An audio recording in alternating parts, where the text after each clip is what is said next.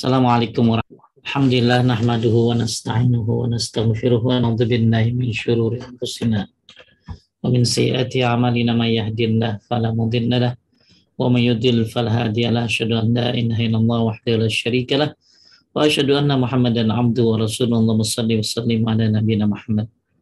Alhamdulillah Bapak Ibu semuanya pada hari ini Allah muliakan kita untuk membenahi jantung kita sehingga baguslah semua perkara badan kita. Siapa yang memperbaharui, memperbaiki tauhidnya, maka baguslah seluruh amalnya insya Allah. Bapak Ibu sekalian mengingatkan Allah, uh, semoga ini juga akan jadi pahala buat rumah dakwah paduka, amal jariah. Kita tidak berlomba-lomba dalam urusan dunia. Kita tidak berlomba-lomba mengejar sesuatu yang fana, tapi kita sedang berlomba-lomba mencari surganya Allah Subhanahu wa taala, mencari ridhonya salah satunya dengan majlis ta'lim ini. Sebelum saya bahas tentang bab 17 tentang tauhid, tentang syafaat, izinkan saya akan membahas sedikit motivasi saja. Setelah menjelang Ramadan ini ada dua yang gembira. Gembiranya orang-orang yang yang mendapatkan taufik dan gembiranya orang-orang yang fasik, orang-orang yang malas. Ketika orang-orang yang dapat taufik datang Idul Fitri gembira senang kan? Senang ya. Kenapa? Idul Fitri senang datang tuh karena karena puasa kita bisa menyebabkan Allah menghapuskan dosa-dosa kita. Ya, gitu Idul Fitri datang berarti kan selesai puasanya dan mudah-mudahan kita mendapatkan hapus dosa dari masa lalu. Tarawih kita juga menghapuskan dosa. Maka orang-orang yang dapat taufik senang begitu Idul Fitri datang karena penghapusan dosa. Tapi orang-orang yang malas, orang-orang yang fasik, orang-orang yang mujrim, begitu Idul Fitri datang ya senang juga kan. Tapi senangnya karena besok kagak puasa lagi Senang ya karena alhamdulillah kagak taraweh lagi. Senang kagak sahur lagi. Senang bahkan bisa maksiat lagi. Maka saya berharap Anda adalah orang yang senang karena dapat taufik. Anda senangnya orang-orang yang dapat taufik, bukan senangnya orang-orang yang fasik. Maka teruslah berdoa agar Allah menerima amal ibadah kita. Terus berdoa, terus meminta ampun, Ya, mudah-mudahan Allah terima amal ibadah Ramadan kita insya Allah. Dan Imam Malik bin Anas radhiyallahu mengatakan orang mukmin itu memiliki lima hari raya yang lain kan. Jadi hari raya yang kita tahu kan cuma Idul Fitri dan Idul Adha. Tapi kata Anas bin Malik ada hari raya yang lain, ada lima. Ya, ada tujuh semuanya. Nah, lima itu apa aja? Yang pertama, setiap hari kita lalui hari-hari ini tanpa ada dosa, maka itulah hari raya. Jadi kalau kita besok nih ya, lalui hari itu tanpa ada dosa, berarti itu jadi hari raya kan. Ya, kata Imam Malik bin Anas radhiyallahu rahimahullah. Kemudian ketika kita mati nanti meninggal dunia dan kita dalam keadaan beriman, maka itu juga hari raya kan. Hari raya yang kedua ketika kita mati dalam keadaan apa tadi? Beriman. Maka itu termasuk hari raya. Alhamdulillah ya. Kalau kita mati iman lepas naudzubillah. Yang ketiga, ketika kita lewat di atas sirat, nanti kita akan lewat di atas sirat yang di bawahnya adalah neraka jahanam dan kita selamat dari sirat itu selamat dari ujian pada hari kiamat, maka itu juga hari raya kan. Yang keempat, ketika seorang mukmin masuk ke dalam surga, maka itu juga hari raya. Yang kelima, ketika seorang mukmin memandang wajah Allah di surga, itu juga termasuk hari hari raya. Maka mudah-mudahan lima hari raya ini akan kita lalui nanti insya Allah. Ya, yang pertama tadi hari-hari tanpa dosa. Ya, yang kedua apa tadi? Mati dalam keadaan beri, beriman. Yang ketiga, lewati sirat dan selamat kemudian selamat dari ujian pada hari kiamat itu juga hari raya. Kemudian ketika seorang mukmin masuk ke dalam surga itu juga hari raya. Yang kelima, ketika memandang wajah Allah Subhanahu wa taala di surga itu juga hari raya. Mudah-mudahan Bapak Ibu semuanya bisa mendapatkan ini semuanya insya Allah. Dan tak lupa masih ada puasa lain yaitu puasa Syawal. Dan puasa Syawal itu bukan hanya dapat pahala setahun, Kang. Bukan hanya itu, Kang ya. Orang yang puasa Syawal itu kan tahunya bahwa puasa Syawal itu enam hari ya puasa wajib tambah Syawal dapat puasa satu tahun kan? Benar, sahih. Tapi kata Ibnu Rajab ya puasa Syawal itu yang kedua itu kedudukannya kayak badiah kan kedudukannya kayak apa? Badiah kayak badiah sholat badiah ya kalau Syaban kayak qobliyah Syawal kayak badiah apa tujuan badiah menyempurnakan yang wajib maka mudah-mudahan yang puasa Syawal Allah sempurnakan puasa Ramadannya Kemudian yang ketiga, puasa Syawal juga adalah tanda diterimanya amal ibadah Ramadan kita, Kang. Karena orang yang namanya kebaikan akan menghasilkan kebaikan, betul? Keburukan pun akan melanjutkan dengan keburukan. Maka kebaikan akan ikuti dengan kebaikan. Maka mudah-mudahan yang puasa Syawal, puasa Ramadannya diterima. Yang terakhir, puasa Syawal ini adalah bentuk syukur kan kepada Allah karena kita bisa melalui puasa Ramadan. Betapa banyak orang-orang yang meninggal sebelum dapat puasa Ramadan di masa-masa Covid, betul? Maka kita termasuk orang-orang pilihan yang dimudahkan untuk bisa puasa Ramadan, maka sebagai bentuk syukur kita laksanakan puasa Syawal. Mudah-mudahan yang belum mulai bisa mulai, ya yang sudah mulai alhamdulillah. Mudah-mudahan dimudahkan menyelesaikannya. Tapi Bapak Ibu sekali menaikkan Allah, saya akan bahas sarah kitab Tauhid bab 17. Kita sampai di bab 17 uh, itu tentang syafaat ya Kang ya. Ya, tentang syafaat. Saya akan share screen.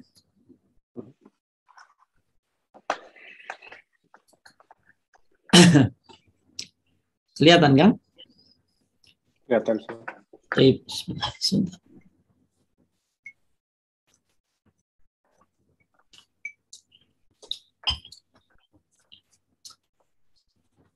Boleh dibacakan syafaat.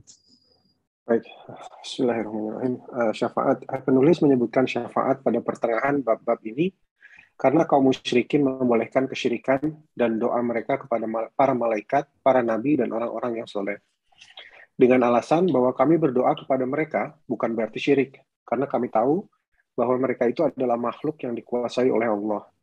Akan tetapi, mereka mempunyai kedudukan yang agung dan tinggi di sisi Allah Azza wa Jalla. Maka kami berdoa kepada mereka agar mereka mendekatkan diri kepa mendekatkan diri kami kepada Allah dengan sedekat-dekatnya dan agar mereka memberi syafaat kepada kami di sisi Allah. Baik. Eh, orang-orang uh, musyrik juga melakukan ini. Ya, orang-orang musyrik juga um, apa mereka uh, mana abuduhum illa liqar liqarribuna ilallahi zulfa. Tidaklah kami menyembah mereka supaya kami tambah dekat sama Allah. Jadi mereka menyembah orang-orang soleh dengan tujuan tambah dekat sama Allah kan. Ya, Padahal kalau kita pengen dekat dengan Allah, tentu dengan cara yang diajarkan oleh Rasulullah Sallallahu Alaihi Wasallam, bukan dengan cara meminta minta kepada yang sudah mati. Jadi dalam masalah syafaat ini ada beberapa kategori ya Kang. Kategori yang pertama adalah ada tiga kategori. Yang pertama orang yang berlebihan dalam syafaat kan. Pokoknya minta syafaat sama siapa aja dah. Sama kuburan, sama orang mati, ya, sama uh, orang-orang soleh, gitu ya. Nah, ini kelompok yang berlebihan dalam memahami apa tadi? Syafaat. Kelompok yang kedua, kelompok yang menolak syafaat. Ini seperti Mu'tazilah. Orang-orang Mu'tazilah nggak percaya terhadap apa kan? Syafaat. Kelompok yang ketiga adalah kelompok yang pertengahan. Mereka meyakini adanya syafaat, akan tetapi ada syarat-syarat yang uh, apa yang harus dilakukan apabila orang pengen dapat syafaat. Syafaat. Jadi uh, di di kitab ini dibahas tentang syafaat karena banyak orang yang salah paham terhadap syafaat sehingga akhirnya mereka melakukan penyembahan peribadahan kepada orang-orang soleh kepada malaikat ya tujuannya supaya dapat syafaat. Nah, Bapak Ibu sekalian dimuliakan Allah Subhanahu wa taala. Jadi, lanjutkan, mereka itu jadi mereka itu orang-orang musyrik tadi beranggapan sebagaimana mereka menjadikan orang-orang yang terhormat di sisi raja dan penguasa sebagai perantara, yakni agar raja atau penguasa tersebut memenuhi kebutuhan mereka. Hal ini merupakan kebatilan yang sangat rusak karena orang-orang musyrik itu telah menyerupakan Allah yang Maha Agung dengan para raja yang mereka butuh kepada para menteri dan orang-orang terhormat untuk menyempurnakan kerajaan mereka. Jadi ada yang menyangka begini Kang, semuanya ma'asyiral ini rahimani rahimakumullah. Allah itu kayak raja katanya. Kalau kita mau mau ke raja ya harus lewat ajudannya, para menterinya. Nah orang-orang soleh ini adalah menteri-menteri Allah ya maka kita nggak bakalan sampai kepada Allah kecuali lewat menteri-menteri ini. Ada Allah nyuruh kita iya kena abudu wa iya kena stain hanya kepada Allah kami menyembah. Ya Allah nyuruh kita ud'uni astajib lakum berdoalah kepadaku akan dijawab doanya. Jadi mereka meyakini satu bahwa orang-orang soleh ini bisa memberikan syafaat. Ya, orang-orang soleh ini bisa memberikan syafaat dengan cara satu disembah, dimintain tolong. Ya. Kemudian juga sebagaimana tadi orang-orang musyrik juga mana abuduhum illa liqarribuna ilallahi zulfa. Mereka menyembah orang-orang soleh ini tujuannya supaya tambah dekat sama Allah. Ya, kemudian mereka juga meyakini bahwa Allah itu raja, butuh ajudan, maka kita nggak akan sampai kepada Allah kecuali lewat aju ajudan-ajudan ini, menteri-menteri ini. Maka ini keyakinan yang batil, yang rusak. Ya, karena menyerupakan Allah ya seperti raja yang butuh kepada para men menteri. Maka Allah Subhanahu wa taala membatalkan anggapan yang mereka yakini ini. Ya. Jadi Bapak Ibu sekalian meyakinkan Allah, kalau pengen mendekatkan diri kepada Allah, caranya bukan dengan cara-cara yang aneh, cukup dengan cara yang diajarkan oleh Rasulullah sallallahu alaihi wasallam. Kul in kuntum tuhibbunallah fattabi'uni yuhibbukumullah. Kalau kalian mencintai uh, Allah, ikutilah aku. Aku ini siapa? Nabi Muhammad sallallahu alaihi wasallam. Dan hati-hati meminta syafaat kepada pada siapa? Ya, meminta syafaat kepada selain Allah. Karena semua syafaat milik Allah ya uh, semua syafaat milik Allah dan tidak ada yang bisa memberi syafaat kecuali atas izin Allah. Ayat yang sering kita baca ayat kursi kan apa? La yashfa'u indahu illa biiznih. Tidak ada syafaat kecuali atas izin siapa? Allah Subhanahu wa taala. Tapi kembali lagi sebelum kita bahas ayatnya, kesimpulannya ada orang yang berlebihan terhadap syafaat. Jadi syafaat diminta dari siapa aja kan. Ya. Yang kedua ada orang yang menolak syafaat seperti orang-orang Mu'tazilah, nggak ada syafaat katanya. Yang ketiga orang-orang yang pertengahan yang meyakini adanya syafaat akan tetapi ada syarat-syarat yang harus dilakukan agar memberikan syafaat atau mendapatkan syafaat. Tapi secara bahasa syafaat itu artinya genap, lawannya dari ganjil. Adapun secara istilah, syafaat itu menjadi perantara bagi orang lain untuk mendatangkan manfaat ataupun untuk menolak bahaya. Syafaat yang diterima di sisi Allah adalah yang memenuhi tiga syarat. Syafaat itu akan diterima di sisi Allah kalau ada tiga syarat. Apa syaratnya? Yang pertama izin Allah.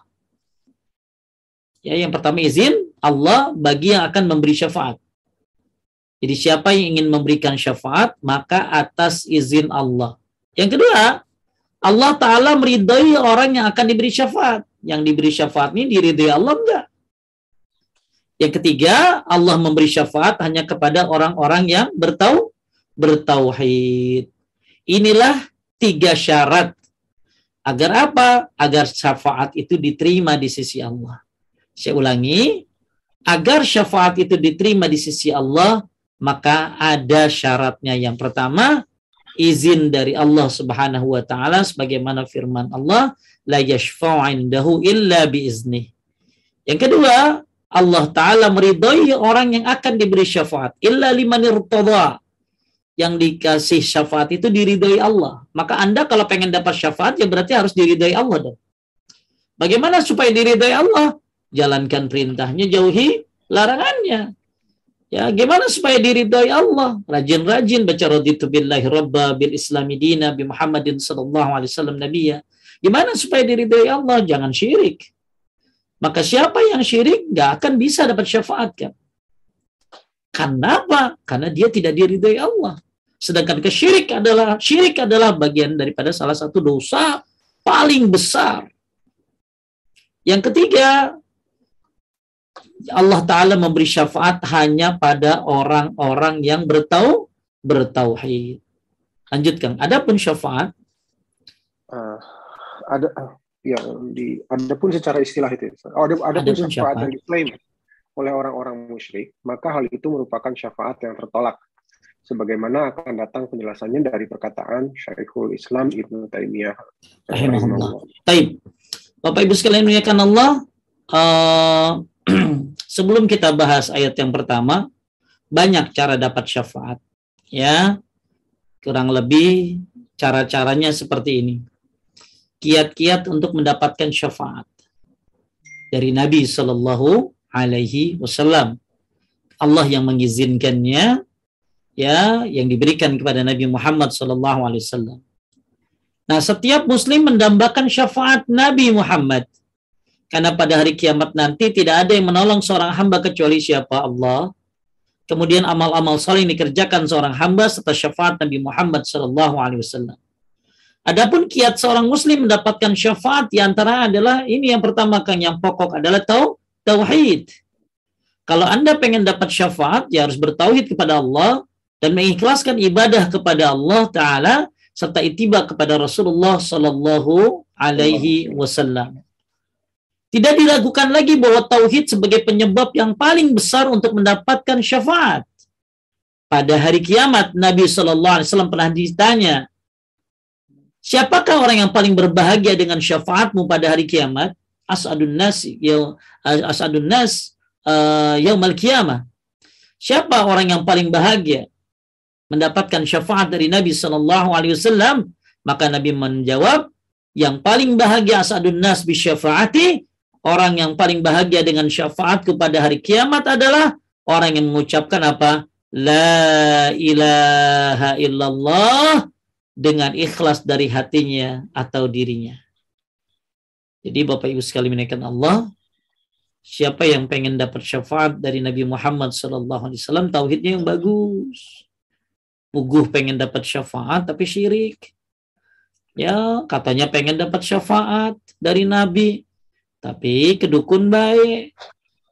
Oleh karena itu, siapa yang pengen bahagia mendapatkan syafaat dari Nabi Shallallahu Alaihi Wasallam, maka hendaklah dia mengucapkan la ilaha illallah dari hatinya dengan ikhlas, ya dan tidak menyekutukan Allah Subhanahu Wa Taala.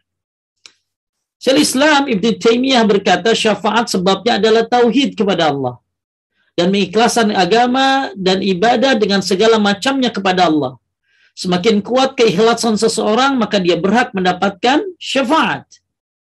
Ya, sebagaimana dia juga berhak mendapatkan segala macam rahmat. Sesungguhnya syafaat adalah salah satu sebab kasih sayang Allah kepada hambanya dan yang paling berhak dengan rahmatnya adalah ahli tauhid dan orang-orang yang ikhlas kepadanya.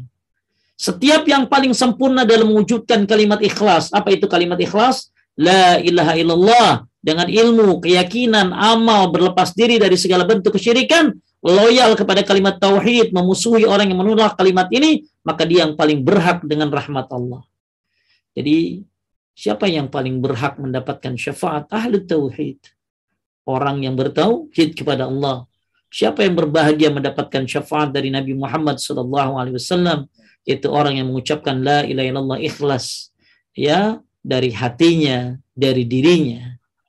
Maka sebab orang dapat syauhid nomor dapat syafaat adalah nomor satu adalah tau, tauhid.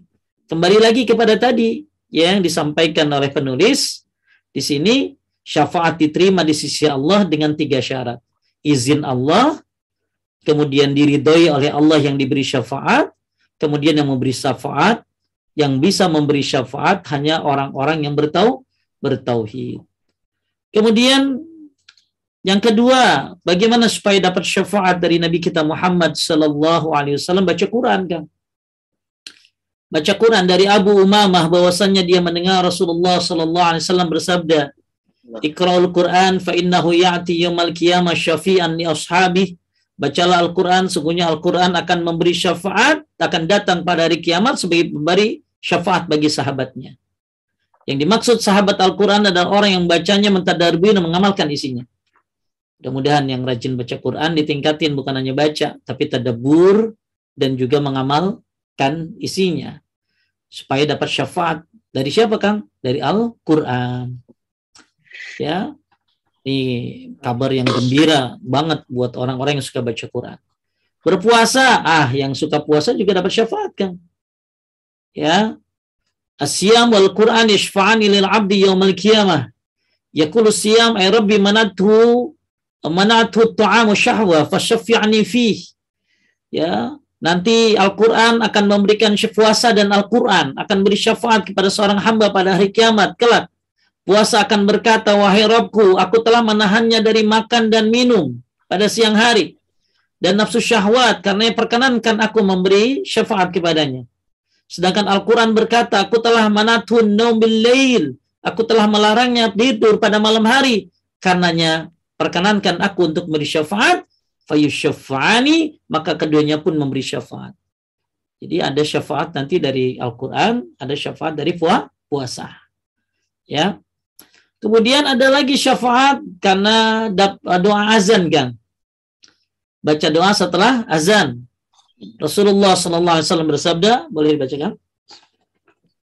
Uh, barang siapa membaca ketika mendengar azan, Ya Allah, Rabb pemilik panggilan yang sempurna ini dan salat wajib yang didirikan, berikanlah wasilah atau derajat di surga dan keutamaan kepada Muhammad.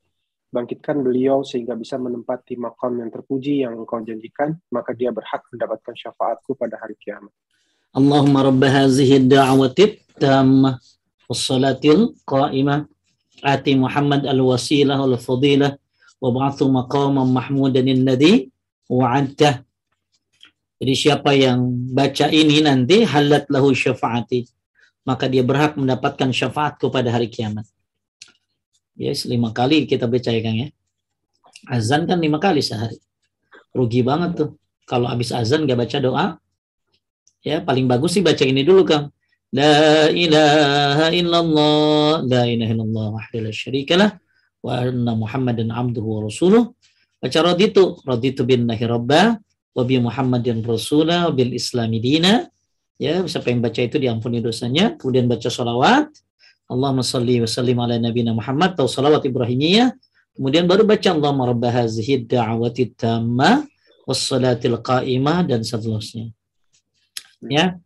Nah, uh, uh, apa sampai wa'adtah kalau hadis Bukhari sampai wa'adtah ya ya kalau innaka la tuhliful mi'at itu tambahan dalam riwayat atau berani kalau nggak salah atau berani uh, uh, Syekh membolehkan tapi ulama-ulama yang lain cukup sampai wa'adah saja. Jadi siapa yang baca doa habis azan halat lahu syafaati hal uh, berhak dia mendapatkan syafaat dari Nabi Shallallahu alaihi wasallam. Ini cara-cara dapat syafaat ya kayaknya. Ini ya, semua syafaat milik Allah. Ya, kulillah syafa'atu jami'an. Yang namanya syafaat semuanya milik Allah. Ya, nah Allah membolehkan Nabi Muhammad SAW memberikan syafaat. Ya, dengan cara syaratnya apa tadi? Tidak menyekutukan Allah. Maka siapa yang tidak menyekutukan Allah, ya maka dia berhak dapat syafaat dari Nabi Muhammad sallallahu alaihi wasallam. Ada syafaat dari Al-Qur'an, ada syafaat dari puasa, ada syafaat dari apa tadi? Dari doa setelah azan, ya. Kemudian yang kelima tinggal di Madinah. Tinggal di Madinah, sabar terhadap cobaan dan mati di sana, masya Allah. Boleh dibacakan? Uh, Abu Sa'id pernah mendengar Rasulullah SAW bersabda, tidaklah seorang, seseorang dari umatku sabar terhadap cobaan Madinah dan kesusahannya, kecuali aku akan memberikan syafaat kepadanya atau menjadi saksi baginya pada hari kiamat. Tuh, jadi kalau di Madinah kudu sabar ya Kang ya. Hmm. Ya, jadi tinggal di Madinah sabar terhadap cobaannya dan mati di sana. Jadi matinya dengan cara yang baik, bukan nekat. Ya, jadi ada cerita katanya ada orang ya mau mati di Madinah tapi caranya nggak benar Makanya di Madinah suka ada cobaan, Kang.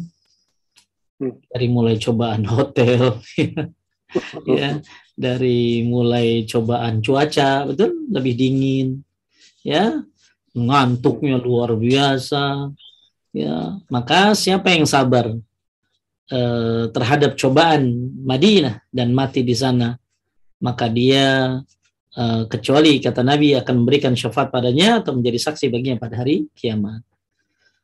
Ada hadis yang lain lanjutkan barang siapa? Barang siapa yang ingin mati di Madinah, maka matilah di sana. Sesungguhnya aku akan memberi syafaat bagi orang yang mati di sana. Terus tidaklah? Uh, tidaklah seseorang sabar terhadap kesusahannya uh, Madinah, kemudian dia mati, kecuali aku akan memberikan syafaat padanya atau menjadi saksi baginya pada hari kiamat. Jika dia seorang muslim. Taib, ya, nah, boleh aja kan minta doa ya. Ya Allah, matikan aku di Madinah. Ya, sabarkan aku di Madinah dan husnul khotimahkan aku di Madinah. Ya.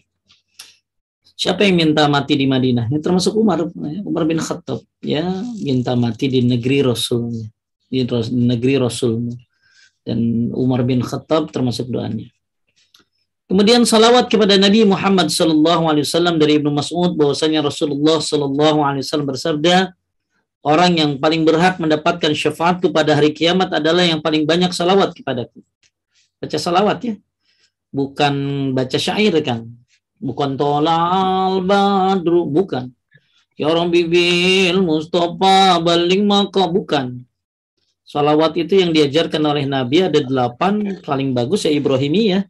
Allahumma salli ala Muhammad wa ala ali Muhammad kama sallaita ala Ibrahim wa ala ali Ibrahim innaka Hamidum Majid. Allahumma barik ala Muhammad wa ala ali Muhammad kama barakta ala Ibrahim wa ala ali Ibrahim innaka Hamidun Majid.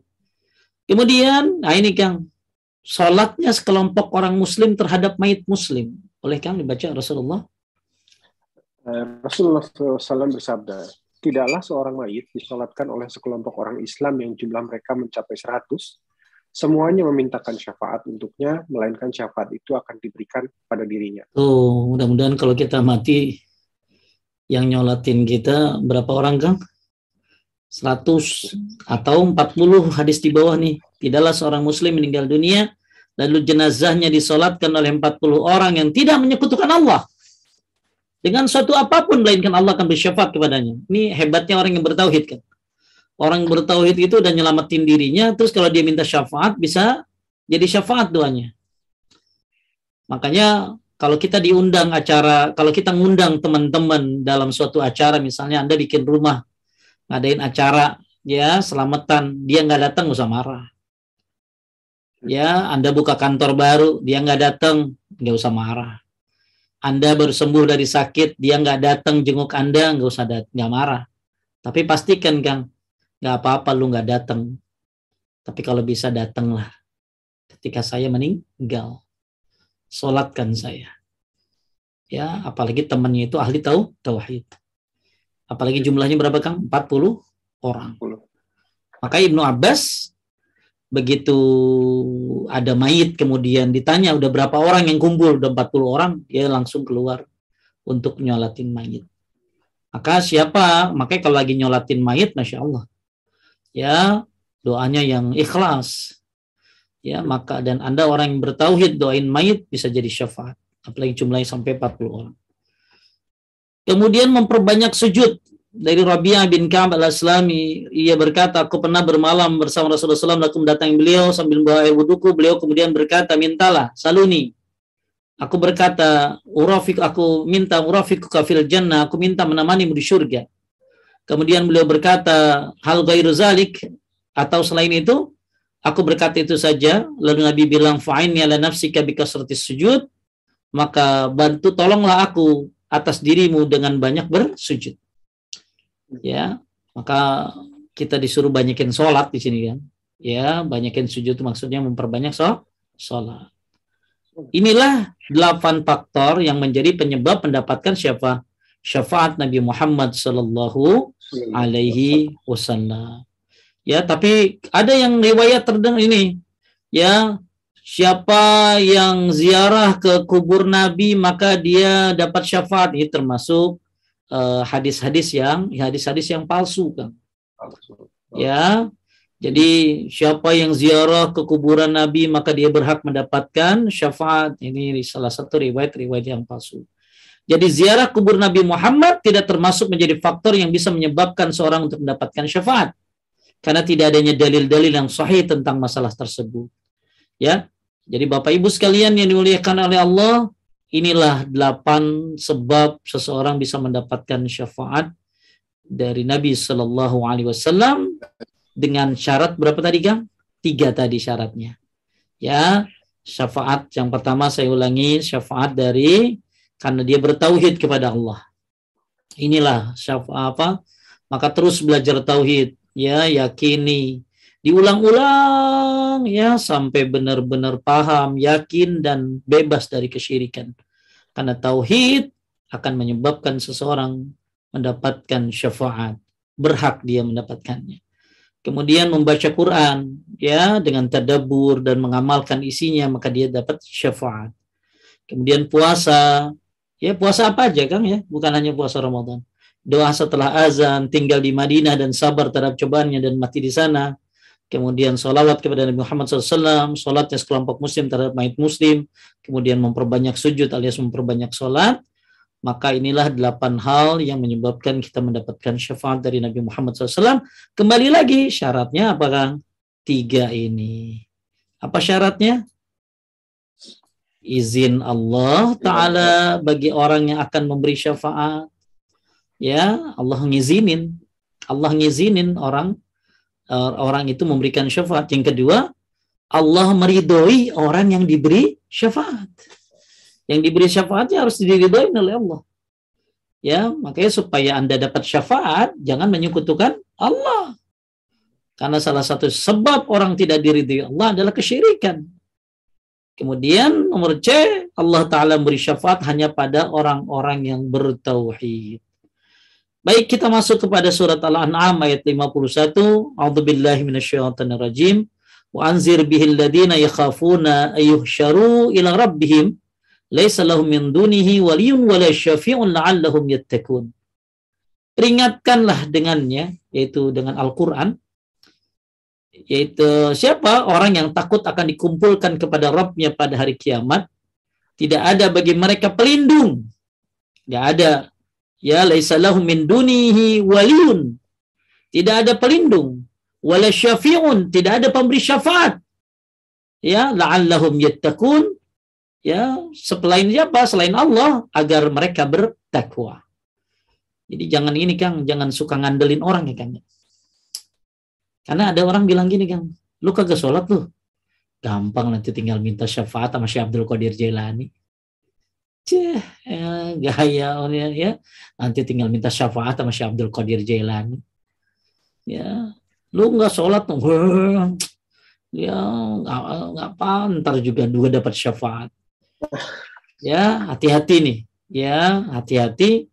Makanya peringatkanlah dengannya orang-orang yang takut akan dikumpulkan kepada Rabbnya Tidak ada bagi mereka pelindung. Kalau di dunia kan ada apa-apa bisa nyari apa kan? Nyari apa? Nyari backingan ya. Hmm. Kalau di dunia ada apa-apa nyari backingan. Di akhirat kagak ada backing bro. Ya, nggak ada sogok-sogokan. Lolos lu di dunia mungkin hukum, tapi tidak akan pernah ada orang yang lolos dari hukum akhirat. Hmm. Maka tidak ada bagi mereka pelindung. Laisalahum min dunihi waliyun. Tidak ada pelindung. Wala syafi'un. Dan tidak ada pemberi syafaat. Kecuali siapa? Kecuali Allah. Kecuali atas izin Allah. La'allahum yattakun. Agar mereka bertakwa. Supaya manusia tidak saling mengandalkan. Paham kan? Ada orang bilang gini, Ustaz, kalau Ustadz masuk surga, terus lihat saya nggak ada di surga, tolong cari saya Tad, di neraka. Tolong cari saya. Saya kan jawab begini, Kang. Lah, gua aja belum tentu. Ya, belum tentu masuk. Jadi gimana, Tad? Ya udah, ibu bertakwa kepada Allah, saya juga bertakwa sama Allah. Ya, jangan akhirnya mengandalkan orang lain. Ada orang tua yang mengandalkan syafaat dari anak, betul kan? Betul. Nanti mami kalau kalau mati, mami celaka, tolongin ya. Ya kasih syafaat mami. Boleh nggak apa-apa. Asal maminya tetap bertauhid. Ya, anaknya diizinkan oleh Allah dan ibunya diridhoi oleh Allah, bisa dapat syafaat. Tapi jangan saling mengandalkan, bertakwalah semuanya kepada Allah Subhanahu wa taala. Jadilah anak yang bertakwa, agar bisa memberi syafaat kepada orang tua atas izin Allah, diridhai Allah, selama tidak syirik. Jadilah orang tua yang bertakwa kepada Allah. Jangan saling mengandalkan. Rasid, nanti saya kasih syafaat buat saya ya. Ya. Maka bertakwalah semuanya kepada Allah. Ya, kenapa? Karena pada hari kiamat tidak ada pelindung, tidak ada pemberi syafaat kecuali yang diizinkan oleh Allah Subhanahu wa taala. Tujuannya apa? La'allahum yattaqun supaya kalian bertakwa. Contoh Allah kasih sakit, tujuannya apa? La'allahum yarji'un. Allah kasih musibah, tujuannya apa? La'allahum yarji'un. Apa la'allahum yarji'un? Supaya kalian kembali. Kembali apa? Kembali bertobat, kembali bertakwa. Maka janganlah kalian saling mengandalkan Hendaklah semuanya bertakwa kepada Allah Subhanahu wa taala. Banyak beramal. Kalau ternyata kita bisa memberi syafaat, alhamdulillah. Dan kalau ternyata kita bisa dikasih syafaat, alhamdulillah. Tapi tadi selama tidak menyatukan Allah, selama diridhoi Allah dan diizinkan oleh Allah Subhanahu wa taala. Syarah lanjutkan. Allah Allah Azza wa Jalla memerintahkan kepada Nabi-Nya Sallallahu Alaihi Wasallam, berilah rasa takut dengan Al-Quran kepada orang-orang yang merasa takut kepada Robnya dari kalangan orang-orang yang memiliki hati yang mengerti, yakni mereka yang mengingat bahwa mereka akan berdiri di hadapan Rob, di, di hadapan Rob mereka tanpa ditemani seorang kerabat pun yang menolongnya dan menjadi perantara yang akan memberinya syafaat di sisi Allah tanpa seizinnya yaitu agar mereka mau melakukan persiapan untuk hal itu jadi mereka ya, pun hmm, jadi Anda harus sadar bahwa Anda akan datang ke akhirat sendiri sendiri. Maka siapa penolongmu? Cuma Allah. Maka gimana supaya dapat penolongnya Allah? Maka bertakwalah kepada Allah. Maka tujuan puasa apa? La'allakum tattaqun. Supaya tambah bertakwa. Gak ada yang bisa ngasih syafaat. Kecuali atas izin Allah karena di masyarakat orang-orang awam ini kan bahaya banget keyakinannya, Gang. Ya, udah lu baikin aja tuh kiai itu. Kali aja lu dapat syafaat dari dia. ya, sholat kagak, maksiat banyak. Yang penting berbuat baik dah sama orang soleh. Insya Allah kita kecipratan itu. Jadi kadang-kadang ada orang yang saling mengandalkan, gitu kan nggak boleh begitu. Jadilah orang tua yang soleh, jadilah ibu yang soleha, dan anak-anak pun soleh dan soleha, maka andalkan dirimu masing-masing. Ternyata anakmu jadi anak yang berbakti, anak yang soleh, alhamdulillah. Jadi hendaklah kita punya modal dulu, Kang. Punya modal dulu nih modal saya nih. Jangan modal kagak ada ngandelin oh, ngandelin orang. Maka hendak kita nanti akan berdiri di hadapan Allah sendiri-sendiri. Tidak ada penolong selain Allah dan tidak ada pemberi syafaat kecuali atas izin Allah. Laisa lahum min dunihi waliyun wala syafi' Tidak ada pelindung dan tidak ada yang bisa memberikan syafaat kecuali atas izin Allah. Tujuannya apa sih? Yaitu agar mereka mau melakukan persiapan untuk hal itu.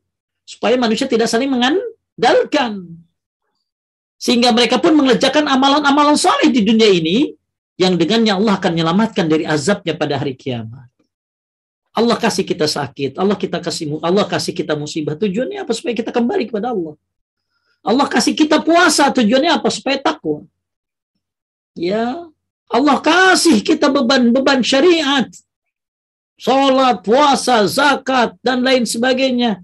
Tujuannya apa? Supaya tambah bertakwa kepada Allah Subhanahu wa taala. Maka hendaklah falyamalil amilun. Kita banyak-banyak beramal. Falyatanafasil mutanafisun. Hendaklah berlomba-lomba. Fastabikul khairat, hendaklah ber, apa, berlomba-lomba dalam kebaikan. Jangan saling mengandalkan. Karena di akhirat nanti tidak ada penolong, tidak ada pemberi syafaat kecuali atas izin Allah Subhanahu wa taala dan Allah sebutkan di sini la'allahum yattaqun supaya kalian bertakwa. Jangan saling mengandalkan. Jangan suka bilang begini sama teman, tolongin gue ya nanti ya di akhirat ya, kasih syafaat gue harusnya dirimu bertakwa kepada Allah. Mudah-mudahan dirimu selamat nanti. Bahkan dirimu bisa memberikan syafaat. syafaat. Ini tujuannya ini kan, supaya manusia jangan mengan, mengandalkan dan supaya manusia terus bertakwa kepada Allah dan beramal saleh. Ya, maka yang pengen dapat syafaat tadi apa tuh tadi? Puasa, baca Quran, tauhid yang utama, Eh, tinggal di Madinah sabar dan terus baca doa habis apa tadi? Azan ya.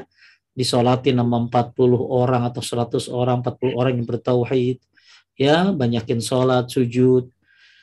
Tapi kita lihat faedahnya. Satu lanjutkan Faedahnya yang pertama, ayat tersebut berisi bantahan terhadap orang-orang musyrik yang bertakarub atau mendekatkan diri kepada para nabi dan para wali, serta orang-orang soleh untuk meminta syafaat dari mereka. Ya, jadi mereka sampai-sampai bilang begini kan. Agisna, agisna, agisna, agisna. Apa artinya agisna? Minta tolong, minta tolong, minta tolong. Ya, jadi minta tolong sama yang mati kan? Ya Syekh berikan syafaatmu, ya Syekh berikan syafaatmu, ya Wali berikan syafaatmu. Ya Habib berikan syafaatmu. Enggak boleh begitu. Hendaklah kita beramal soleh. Bertakwalah kepada Allah subhanahu wa ta'ala. Ya. Sampai-sampai ada yang minta syafaat sama orang yang mati. Ya. Akhirnya mengandalkan mereka. Padahal mereka sendiri enggak belum tentu bisa memberikan syafaat karena la yashfa'indahu illa biizni. Jadi ayat tadi ya memberikan bantahan yaitu surat Al-An'am ayat 51 kepada orang-orang musyrik yang suka bertakarrub mendekatkan diri kepada para nabi, para wali ya yang soleh untuk meminta syafaat dari mereka. Harusnya syafaat diminta dari siapa kan? Dari Allah Subhanahu wa taala karena tadi ayat kursi yang sering kita baca la yashfa'indahu illa biizni tidak ada syafaat kecuali atas izin Allah. Jadi supaya dapat syafaat dari Allah gimana? Jalankan perintahnya, jauhi larangannya. Jangan datang ke kuburan, ya wali berikan aku syafaatmu. Ya syekh berikan aku syafaat. Bukan. Syafaat itu mutlak milik Allah. Ya. Kulillah syafa'atu jami'an. Semua syafaat milik Allah. Maka mintalah kepada Allah dengan bagaimana? Dengan berdoa dan dengan menjadi orang yang bertakwa. Kenapa? Karena tidak kembali kepada ayat yang tadi ya yaitu laisa lahum min dunihi waliyun wala syafi'un la syafi'un la'allahum yattaqun. Tidak ada pelindung, tidak ada pemberi syafaat selain Allah agar tujuan kalian bertakwa. Jadi mintalah syafaat kepada Allah dengan cara berdoa dan dengan cara melakukan apa-apa yang diperintahkan untuk mendapatkan syafaat dan jangan jadi ya, jangan jadilah orang yang bertakwa. Kemudian yang kedua lanjutkan. Yang kedua eh, syafaat tidak akan diterima di sisi Allah kecuali jika terpenuhi syarat-syaratnya. Syarat-syaratnya yang berapa tadi Kang? Tiga itu tadi. Tiga tadi. Coba lihat tuh izin dari Allah, ya bagi yang akan memberi syafaat kemudian meridoi Allah meridoi orang yang dikasih syafaat kemudian Allah memberi syafaat kepada orang yang bertauhid kemudian yang ketiga lanjut yang ketiga yang ketiga disyariatkan memberi nasihat dan peringatan tentang hari kiamat. Taib ya. Hendaklah saling memberi nasihat ya. Apalagi masalah hari kia kiamat. Ya kalau orang kan di nasihat ini kan apa agama ini nasihat. Agama ini nasihat nasihat. Dan nasihat ini tanda sayang ya kan nasihat bahkan para sahabat berbaiat kan berbaiat untuk sholat untuk puasa dan memberi nasihat nasihat maka nasihat ini bagus banget gitu loh. Dan jangan suka ngambek kalau orang dikasih nasihat. nasihat. Ya, jangan baperan. Oh, kayaknya Ustadz nyindir saya tuh. Gue kagak nyebutin nama. Ya, yang jangan baper. Ya, jangan baper. Kalau ngaji jangan baper.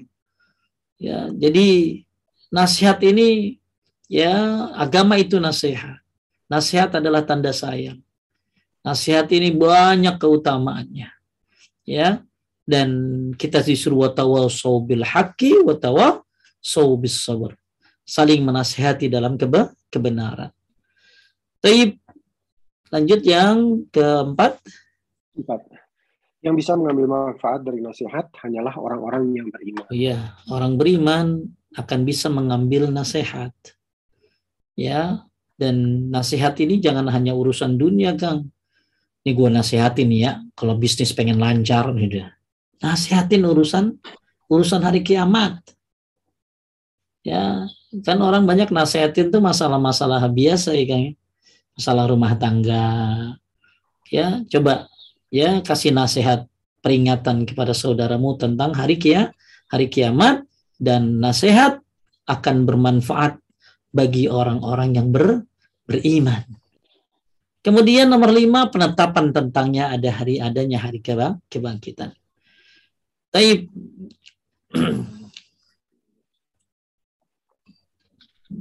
ada yang nanya nggak kang? Uh, ada beberapa. Coba. Ada beberapa pertanyaan. Oke. Okay. Uh, mau lanjut satu ayat lagi? Uh, mungkin boleh Ustaz? Boleh ya. Bismillahirrahmanirrahim. Amitakhuzu min min dunillahi syufa'a kul awalau kanu la yamlikuna syai'an wa la ya'qilun kul lillahi syafa'atu jami'an. Nah, perhatikan nih. Kul lillahi syafa'atu jami'an. Lahu mulku samawati wal ard thumma ilaihi turja'un. Artinya kan? Atau ataukah mereka mengambil uh, para pemberi syafaat selain Allah? Katakanlah apakah kamu mengambilnya juga meskipun mereka tidak memiliki sesuatu apa pun yang dan tidak mengerti? Katakanlah syafaat, pertolongan itu hanya milik Allah semuanya. Dia memiliki kerajaan langit dan bumi, kemudian kepadanya kamu dikembalikan. Taib. Jadi hendaklah kita meminta syafaat kepada siapa? Kepada. Allah Subhanahu wa taala karena atas izinnya syafaat itu datang. Kemudian ayat ini juga menegaskan kulillah syafaatu jami'an bahwa syafaat itu semua milik Allah, maka mintalah kepada Allah. Kemudian tadi ya surat Al-An'am tadi juga menjelaskan kepada kita bahwa nggak ada yang bisa menolong, nggak ada yang bisa memberi syafaat kecuali Allah. Tujuannya apa? Supaya la'allahum yattaqun, supaya kalian semuanya pada bertakwa. Dan jadi ayat ini menjelaskan bahwa hendaklah syafaat itu diminta dari Allah Subhanahu wa taala karena dialah yang memberikan syafaat syafaat.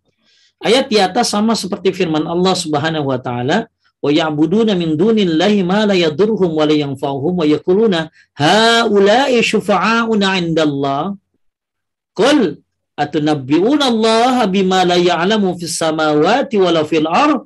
Subhanahu wa ta'ala amma yusyrikun dan mereka menyembah selain Allah. Mereka menyembah selain Allah. Sesuatu yang tidak dapat mendatangkan bencana kepada mereka dan tidak pula memberikan manfaat. Dan mereka berkata, nah unik nih Kang orang Kang, udah nyembah selain Allah, mereka ngomong begini, mereka itu adalah pemberi syafaat kami di hadapan Allah. ya, udah mereka menyembah selain Allah, ya, yang disembah juga tidak bisa memberikan manfaat ataupun mudarat. Eh, kemudian mereka bilang apa? Haulai syafa'una. Mereka adalah pemberi syafaat kami di hadapan Allah. Kan error nih orang. Ya, jadi syafaat itu milik Allah. Kenapa dia minta kepada selain Allah? Dia sembah selain Allah yang tidak bisa memberikan manfaat dan mudarat. Kemudian dengan lantangnya mereka mengatakan, Haulai syufa'una indallah. Mereka adalah pemberi syafaat bagi kami di sisi Allah. Ya. Mereka adalah pemberi syafaat di hadapan Allah. Katakanlah, apakah kamu akan memberitahu kepada Allah sesuatu yang tidak diketahuinya? apa yang di langit dan tidak pula di bumi subhanallah ya maha suci Allah dan maha tinggi dia dari apa yang mereka persekutukan maka Allah Subhanahu wa taala menjelaskan dalam ayat ini surat Yunus ayat 18 dan juga dalam ayat yang semisalnya bahwa syafaat yang dicari dengan cara seperti ini adalah tertolak. Jadi dia minta syafaat dengan cara yang syirik. Ya, Bahkan perbuatan mereka mengambil para pemberi syafaat adalah perbuatan syirik. Dan bahwa semuanya Allah subhanahu wa ta'ala menyucikan dirinya dari perbuatan tersebut. Jadi Bapak Ibu, hendaklah minta syafaat kepada Allah dan carilah jalan syafaat sebagaimana jalannya dari Allah Subhanahu wa taala. Gimana tadi cara dapat syafaat tadi Kang? Baca Al-Qur'an, bertauhid yang pertama. Ya, jadi Allah syafaat itu semua milik Allah, mintalah kepada Allah dengan cara-cara yang disyariatkan oleh Allah di antaranya bertauhid, baca Quran, puasa, tadi yang sudah disebutkan jawab doa habis azan. Ya. Faedah lanjutkan bantahan. Uh, faedahnya pertama bantahan terhadap orang musyrik yang meminta syafaat kepada makhluk. Taib, minta syafaat kepada makhluk nggak boleh. Ya, jadi bahkan ada yang bilang juga nggak boleh minta syafaat kepada Nabi Muhammad. Tapi mintanya kepada siapa? Kepada Allah Subhanahu wa taala. Ya. Jadi ya, syafaat bagusnya minta kepada Allah Subhanahu wa taala. Karena Nabi Muhammad wasallam memberikan syafaat atas izin Allah, ya. Jadi dua ayat ini dijadikan dalil nih. Yang pertama tadi nih, kulillah syafaat kulillahi syafaatu jami'an bahwa semua syafaat itu milik Allah. Terus tadi surat Al-An'am tadi ya nggak ada pelindung, nggak ada pemberi syafaat kecuali Allah. Oleh karena itu ada yang menyebutkan dua ayat ini hendaklah syafaat diminta dari dari Allah Subhanahu wa taala dan dengan cara-cara yang diridhoi oleh Allah Subhanahu wa taala. Kemudian uh, yang kedua syafaat yang kedua, syafaat itu hanya hanyalah milik Allah Subhanahu wa taala sehingga hanya diminta darinya. Eh, lalu yang ketiga, terus yang ketiga, meminta syafaat adalah ibadah sehingga harus ditujukan hanya kepada Allah. Pada Allah Subhanahu wa taala. Nah, gimana ada ungkapan kemarin, ada ungkapan yang biasa orang sering bilang, Kang.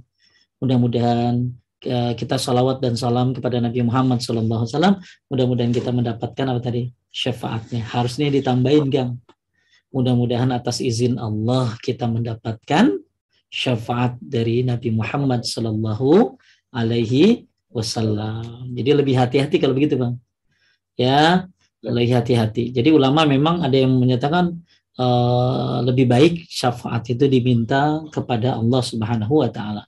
Maka ungkapan seperti kita minta syafaat kepada karena ada kan tadi halat lahu syafaati kan tadi doa habis azan ya jadi ada ulama yang iya. boleh boleh meminta syafaat uh, apa atas izin Allah kepada Nabi Muhammad karena berdasarkan halat lahu syafaat tadi ha, orang ini berhak mendapatkan syafaatku. Tapi masalahnya Nabi Muhammad dapat syafaat atas izin Allah. Ya, dan semua syafaat milik Allah. Maka yang lebih bagus ucapannya, mudah-mudahan kita semuanya diizinkan oleh Allah untuk mendapatkan syafaat milik Allah yang diberikan dititipkan kepada Nabi Muhammad sallallahu alaihi wasallam. Terus nomor empat. Nomor empat, syafaat tidak dapat diraih makhluk jika tidak terpenuhi syaratnya. Syaratnya kembali tiga tadi ya, Gang? Tiga. Ya, tiga tadi. Orang ini harus bertauhid, yang dikasih syafaat pun diridhoi, kemudian diizinkan oleh Allah yang memberi syafaatnya. Nomor lima. Nomor lima, eh, penetapan akan adanya hari kebangkitan dan kita semua akan dikembalikan kepada Allah Subhanahu wa taala. Inilah dua ayat yang insya Allah kita lanjutkan. Mungkin ada yang bertanya kan? Silakan. Oke. Uh, sebelum saya uh, ke pertanyaan dari jamaah, uh, apa Ustaz ini tadi yang uh, ayat pertama itu di faedah nomor tiga ya disyariatkan memberi nasihat dan peringatan tentang hari kiamat. Hmm. Ini dalam, dalam bentuk apa ini Ustaz? Sekarang kan kita uh, banyak ya uh, ustadz-ustadz di Indonesia atau dai-dai di Indonesia yang selalu me, bukan selalu lebih fokus kepada hari hari akhir ini Ustaz. Uh, dalam bentuk apa kita sebagai pelajar ya, sebagai student ini untuk memberi peringatan kepada teman-teman kita ini. Baik, kalau dilihat uh, tentang masalah apa tadi masalah masalah nasihat ya.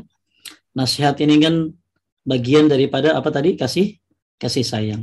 Ya, bagian daripada kasih sayang bahkan uh, tadi ad-dinu ad-dinun nasiha bahkan saya Shalih Al Fauzan mengatakan ya uh, yang namanya nasihat itu adalah termasuk bagian daripada sedekah yang terbaik sedekah yang terbaik adalah apa tadi nasihat ya, ya.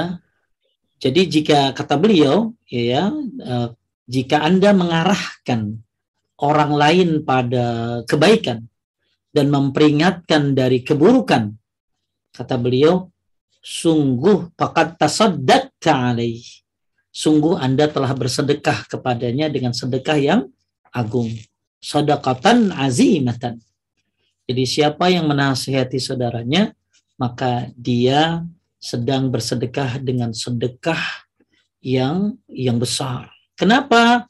Karena nasihat ya akan memberikan manfaat dan manfaatnya melebihi dari manfaat sedekah. Ya, saya ulangi, manfaat nasihat melebihi dari manfaat sedekah dengan har harta.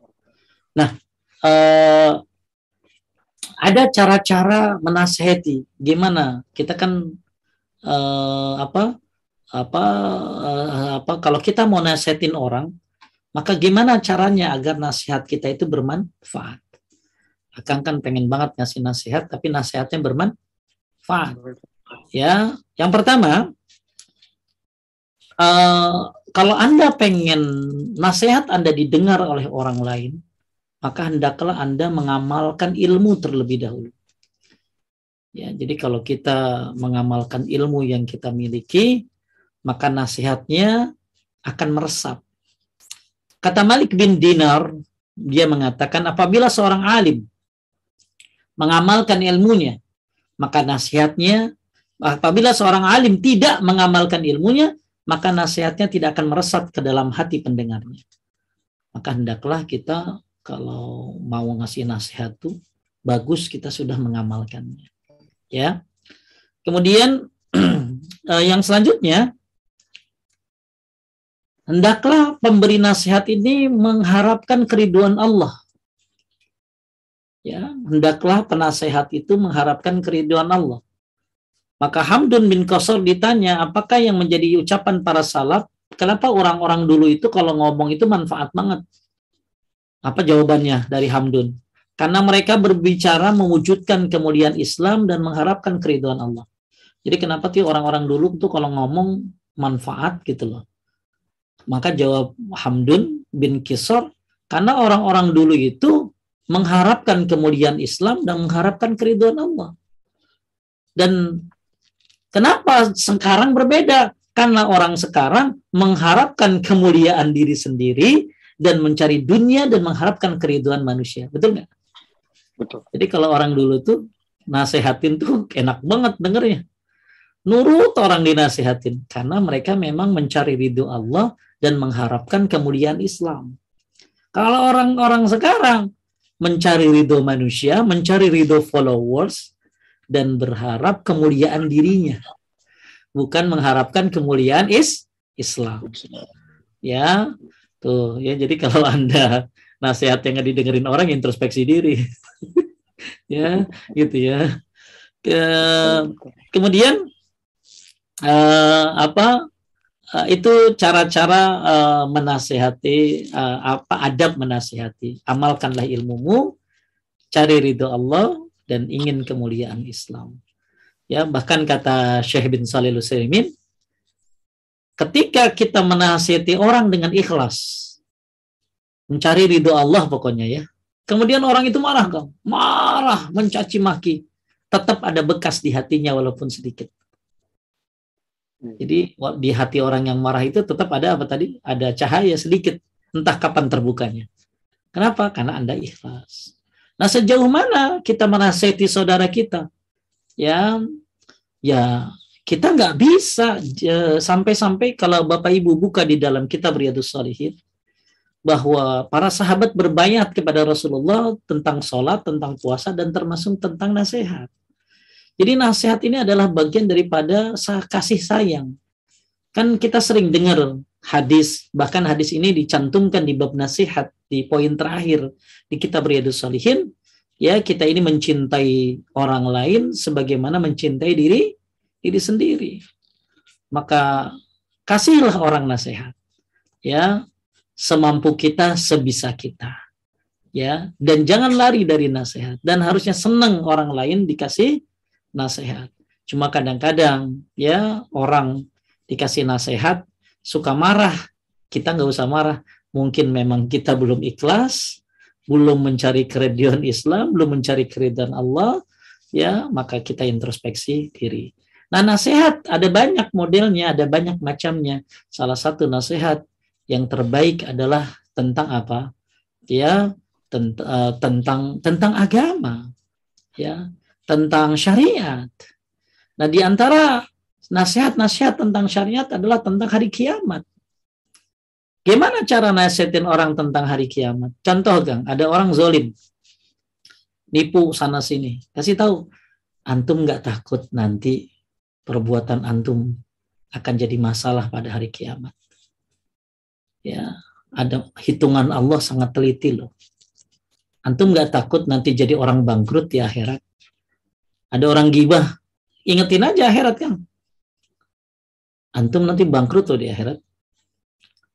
Ya, jadi kita lagi bahas tadi bahwa bagus orang saling menasehati. Salah satunya mengingatkan tentang hari kiamat bahwa nanti pada hari kiamat akan ada pertanggungjawaban. Sampai-sampai Kang nanti ya pada hari kiamat kambing yang menyeruduk kambing yang tidak bertanduk akan dihisapkan. Bayangin kambing bakalan dihisap. Kenapa dia menyeruduk kambing yang tidak bertanduk? Gimana dengan manusia? Makanya orang kalau dinasehatin secara secara duniawi mungkin dia uh, akan ngelawan, tapi kalau dinasehatin akhirat mudah-mudahan dia sadar.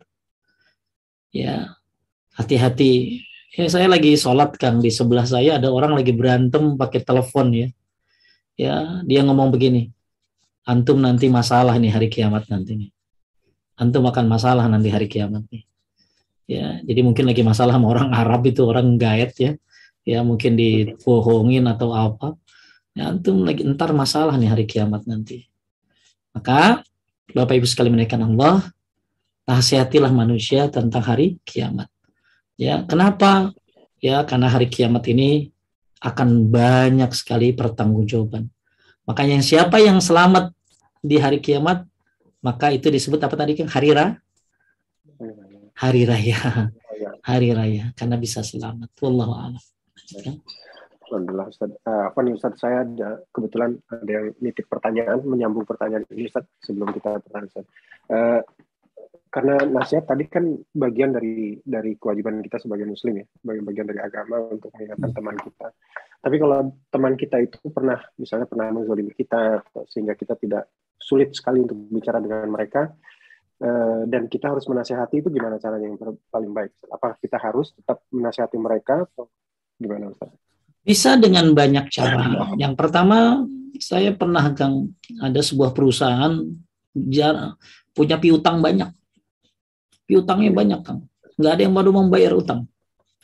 Akhirnya kita kumpul ya terus saya saranin udah kasih parcel satu-satu tapi kasih juga buku tentang bahaya utang. Jadi ada buku tulisan dari Ustadz Yazid bin Abdul Qadir Jawas tentang bahaya hutang kang ajib itu ngeri banget orang kalau baca orang utang baca itu kang ya maksud saya kalau disamperin kan kabur kang ditagih kan kabur ditagih ngumpet udah kasih parcel. Nah, di parcel itu disisipin apa tadi? Buku. Salah satunya tentang bahaya utang. Jadi kalau kita tidak bisa menasihati secara langsung, karena kalau kita nasihatin secara langsung tuh suka temperamen, kan? Betul? Betul. Ya, tadi ya karena dia punya utang gitu loh. Karena kita dia kita dizolimin, akhirnya akhirnya kita nasihatnya bercampur dengan kemarahan. Maka bisa kita lakukan dengan cara kasih buku, ya bisa cari dengan cara kasih artikel-artikel yang bagus ya tentang kezoliman ya uh, maka waktu itu ada seorang ibu yang merasa temannya dizolimi bagus kang dia kasih tulisan dari sebuah artikel lalu dia dia peringatkan temannya untuk tidak menzolimi temannya ya nah, itu kasih artikel-artikel bagus banyak kang ya sampai sekarang di internet itu kan ada nagih utang dengan cara puisi ya, wah itu lucu deh, lucu banget ya. Senin 13 Desember. Ya. Ketika kau datang ke hadapanku dengan muka yang penuh dengan penderitaan dan dan sontak hatiku waduh sampai ya waduh jadi Uh, jadi itu dengan buku ya, kemudian dengan tulisan-tulisan. Yang ketiga, kalau memang saya pernah nih Kang ya, ada orang mungkin karena dia punya franchise Kang ya. Ya, franchise maksudnya istrinya lebih gitu loh. Terus kemudian uh, suaminya meninggal, terus dia nggak dianggap itu istrinya itu yang lain tuh nggak dianggap ada anak. Maka akhirnya saya disuruh menitipkan satu cerita kasih tahu dong Pak Ustadz bahwa saya juga istrinya, ada anak dari dia, tolong kami juga berhak mendapatkan apa yang ya, nah itu jadi menyuruh Ustadz ya kayaknya. Menyuruh Ustadz untuk memberikan apa nasihat nasihat. Tapi saya menyampaikannya dengan cara yang indah nah itu ya bahwa hati-hati dengan hak orang orang lain jadi akang bisa dengan tulisan bisa dengan buku bisa dengan titip nasihat dari orang tolong ya nasihatin Nah, yang terakhir kan doa udah tuh. Ya, doa agar orang ini diberikan hidayah, hidayah oleh Allah. Lanjut. Baik. Ini saya pertanyaan-pertanyaan dari Ustaz, eh, dari jamaah saya bacakan satu persatu nih. Uh, yang pertama ini Ustaz, uh, Bismillah, kita sudah berusaha untuk ikhlas dalam beribadah kepada Allah. Tapi bagaimana kita tahu kalau kita sudah betul-betul ikhlas dalam hal itu? Dan bagaimana kita menyempurnakan keikhlasan tersebut supaya mendapatkan syafaat akhirat? Taib. Ya, ikhlas itu apa sih? Ikhlas itu melihat Khalik dan melupakan makhluk. Salah satu definisi ikhlas yang ditafsirkan oleh ulama salaf adalah ikhlas itu melihat apa kan? Khalik dan melihat makhluk. Eh, jangan melihat melihat Khalik dan melupakan makhluk. Ada juga yang mengartikan ikhlas itu ya uh, Anda lakukan tidak bertambah ketika dipuji dan tidak berkurang ketika dihina. Anda melakukan sesuatu terus dipuji orang nggak nambah kan? Ya begitu dihina pun di unlike pun nggak goyah dia gitu. Ya nggak marah gitu ya nggak marah. Ini posting katanya ikhlas. Begitu ada yang unlike dia marah-marah kepikiran kagak bisa tidur. Itu ikhlas. Ya. Jadi cara-cara ikhlas tuh banyak banget. Nah itu ada di poin satu ya kan ya cara-cara ikhlas kalau ibu pengen lihat lagi mungkin bisa minta sama Mbak Feby ya tentang cara-cara apa tadi cara-cara ikhlas Di antaranya uh, apa? ketika kita kita pengen uh, ikhlas ya, maka uh, ada hal-hal yang memang harus harus uh, harus dilakukan. Ya, di antaranya adalah uh, dengan dengan meng, uh, meng, apa tadi melihat mahalik dan merupakan merupakan melupakan makhluk. Nah, ikhlas ini berawal dari mana? Dari niat dulu. Ya, dari niat. Kenapa? Kata Syekh Salih Al-Fauzan, ahli sunniyah lillahi azza wa jalla yaftahu lakum maghalikal ulum yusahil alaikum. Ya, ikhlaskan niatmu karena dengan ikhlas ini akan membuka bagi kalian cabang-cabang ilmu yang terkunci dan dimudahkan bagi kalian. Jadi ikhlas itu berawal dari niat dulu. Ya, ikhlas itu berawal dari dari niat dulu. Jadi niatnya apa? Kamu ibadah niatnya apa? Pengen dilihat ya atau apa pengen pengen pengen pengen benar-benar murni karena Allah. Nah, uh, nah sekarang makanya kata Yahya bin Abi Kasir, beliau bilang gini, belajarlah niat karena niat lebih penting daripada amal. Jadi cara mengikhlaskan diri itu yang pertama niat dulu, dilihat dulu niatnya. Nah, baru deh ada amalan-amalan penyempurnanya. Jadi kalau amal ibu pengen sempurna setelah niat, maka satu berpegang teguh istiqomah. Ya kalau ber, uh, jadi kalau orang setelah uh, dianggap ikhlas itu pertama niatnya ya yang benar dulu niatnya ya. Kemudian ada penyempurna amal ibadah. Penyempurna amal ibadah itu ngapain? Berpegang teguh. Ya berpegang teguh konsisten. Ya kalau orang ikhlas harusnya konsisten kan kan? Ya yang kedua bersegera. Kalau orang ikhlas itu bersegera. Jadi supaya sholatmu diterima oleh Allah, ya sholatmu tambah sempurna, ya berpegang teguh. Ya, bagaimana berpegang teguh dengan sholat? Ya jangan tinggalkan, jangan pernah tinggalkan sholat. Ya, yang kedua bersegera. Gimana ikhlas orang datang panggilan azan dia nanti baik nanti baik. Ya. Kemudian supaya lebih sempurna berdoa ya mukallibal qulub sabit kalbi ala ala dinik Kemudian yang keempat, agar sempurna amal ibadah kita ketika sholat beristiazah sebelum baca fatihah. Apa tadi? Rajim min hamzihi wa nafihi wa nafsih. Kalau nggak bisa cukup a'udzubillahi rajim. Yang kelima, penyempurna amal ibadah setelah niat yang benar, setelah berpegang teguh, ya dalam uh, Anda harus nggak boleh ninggalin sholat, harus istiqamah kemudian bersegera, yang ketiga ya bersegera, yang kedua berdoa yang mukalibal kulub atau habis sholat Allah ma'ini ala zikrika wa syukrika wa husni ibadatik.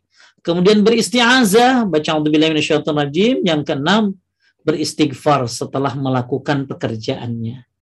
Habis sholat bagusnya apa? Astagfirullah. Astagfirullah. Astagfirullah. Ya, apalagi bagus sebelum salam bacanya Allah inni dzalamtu nafsi dzulman katsiran. Kemudian yang ketujuh, selalu berniat untuk beramal kembali. Selalu berniat untuk beramal kembali. Nanti saya mau sholat lagi. Habis asar, maghrib saya mau sholat lagi. Ya, kenapa? Karena ternyata ketika Anda terjadi apa-apa, belum datang waktu maghrib, meninggal, Anda sudah niat pengen sholat. Berarti dapat pahalanya. Ya, nah untuk tambahan sholat, maka nomor 8, lakukanlah ba'di ba'diyah. Karena ba'diyah ini penyempurna daripada sholat wajib. Sebagaimana puasa syawal penyempurna puasa roh, Ramadan. Ramadan. Ya, nah, itu saja eh, trik-trik uh, agar sempurna amal ibadah. ibadah. Lanjut. Baik. Alhamdulillah. Uh, baik, sebelum saya mulai ke yang selanjutnya, silahkan kalau ada yang mau bertanya langsung, Raisan. Uh, Assalamualaikum, Ustaz. Nah, di dekat rumah saya ada masjid yang setelah azan membaca salawat yang tidak dianjurkan. Apakah kita boleh sholat berjamaah di sana, Ustaz? Ada urusannya sih sebenarnya. Kalau ada masjid yang lebih baik, ya cari masjid yang lebih baik ya. Ada masjid yang lebih sunnah, cari yang lebih sunnah. Tapi kalau nggak ada, selama yang sholat itu adalah seorang muslim imamnya, maka boleh. Kemudian hindari kuburan, itu aja. Kalau ada kuburan, ya jangan sholat di situ. Ya, terus kalau jadi eh, ketika imam baik, bagus maka kebaikan buat semuanya. Ketika imam jelek, maka itu buat dirinya sendiri. Ya, imam rusak itu buat dirinya sendiri.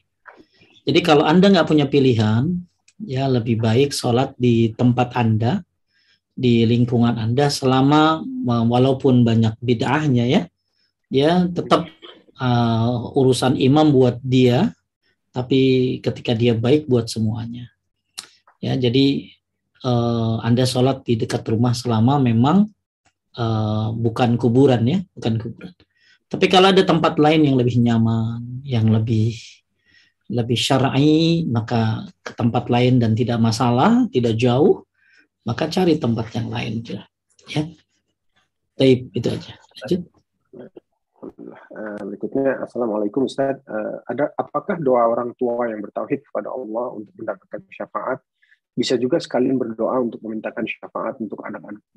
Taib.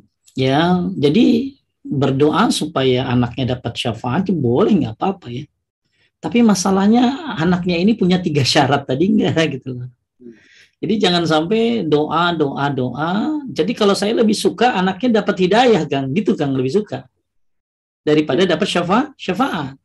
Karena kalau dia dapat hidayah di dunia, insya Allah dia bisa dapat syafaat gitu loh.